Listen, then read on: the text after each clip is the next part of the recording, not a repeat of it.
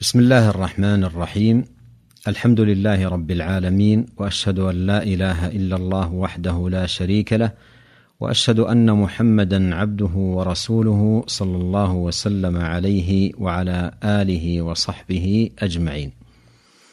أما بعد ما جاء في عيش النبي صلى الله عليه وسلم وأنه كان كفافا. فلم يكن صلى الله عليه وسلم يهتم للدنيا وإنما كان اهتمامه للآخرة. وكان يكتفي من الطعام والزاد ما فيه البلغة والكفاية. عن سماك بن حرب قال سمعت النعمان بن بشير رضي الله عنهما يقول ألستم في طعام وشراب ما شئتم؟ لقد رأيت نبيكم صلى الله عليه وسلم وما يجد من الدقل ما يملأ بطنه. قوله ألستم في طعام وشراب ما شئتم؟ أي وصلتم إلى حال من العيش بأن أي شيء ترغبونه وتشتهونه من الطعام والشراب تجدونه متيسرا لكم. لقد رأيت نبيكم صلى الله عليه وسلم وما يجد من الدقل ما يملأ بطنه. الدقل هو التمر الرديء أي أنه صلى الله عليه وسلم لا يجد من التمر الرديء ما يملأ بطنه فكيف بجيده فضلا عن أجوده؟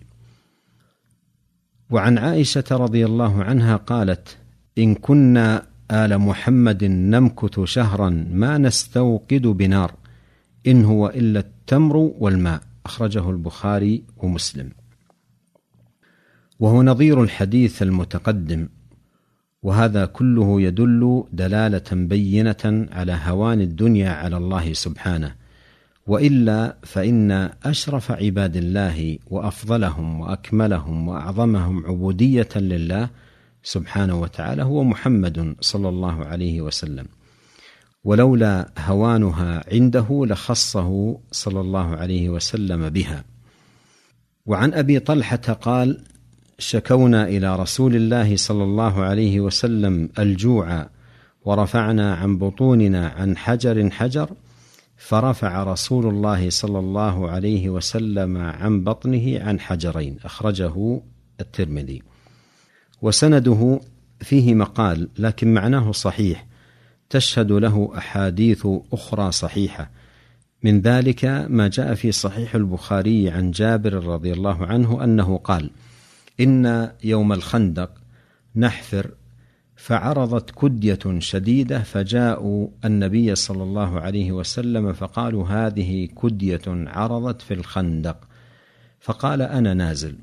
ثم قام وبطنه معصوب بحجر. ولبثنا ثلاثة أيام لا نذوق ذواقا.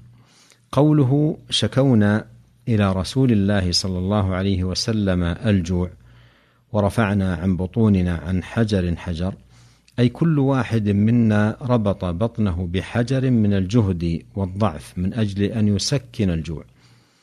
والإنسان كما هو معلوم إذا اشتد به الجوع فإنه يضغط بيده على بطنه فيحس أن الجوع قد خف. فكان الصحابة رضي الله عنهم تطول بهم فترة الجوع أحيانا فلا يكفي عندئذ الضغط على البطن باليد. فكان الواحد منهم يأخذ حجرا ويشده على بطنه. فلما اشتد بهم الجوع جاءوا إلى النبي صلى الله عليه وسلم يشتكون إليه الجوع. فرفع رسول الله صلى الله عليه وسلم عن بطنه عن حجرين من شدة الجوع.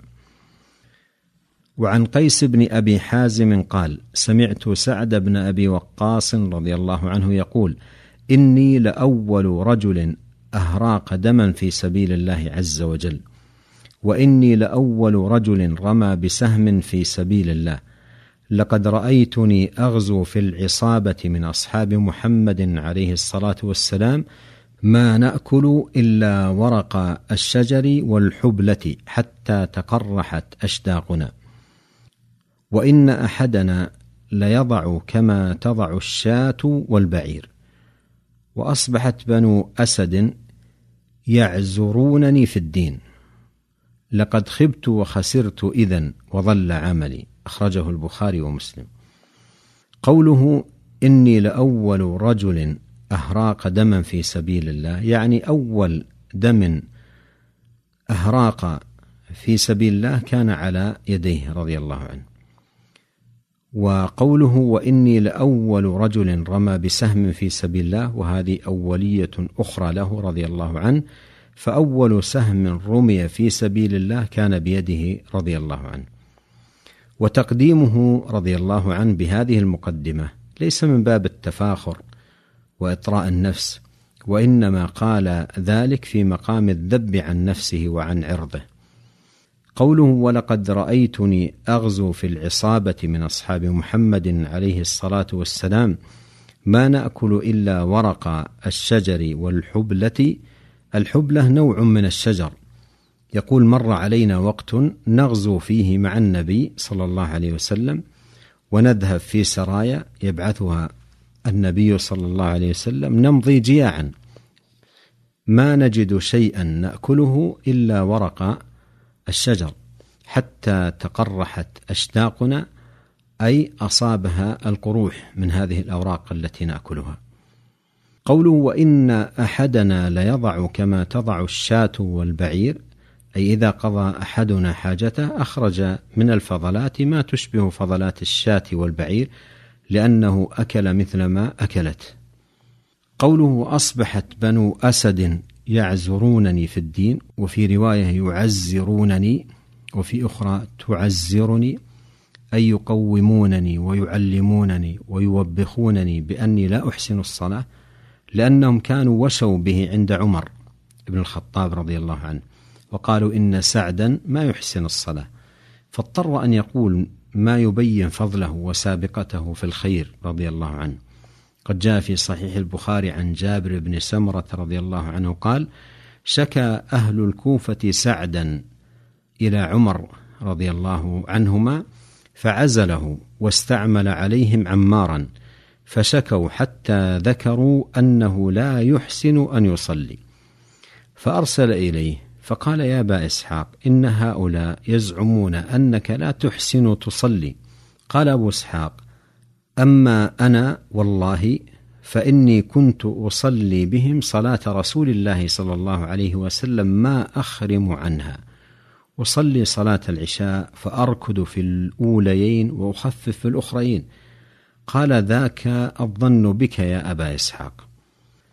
قوله لقد خبت وخسرت اذا وضل عملي يعني إذا كنت لا أحسن الصلاة التي هي عماد الدين خسرت اذا وبطل عملي. ونستفيد من هذا أن الوشايه الكاذبة لها دور خطير في الإضرار بالمجتمع وهي سلاح من لا سلاح له وحجة من أفلس من الحجج.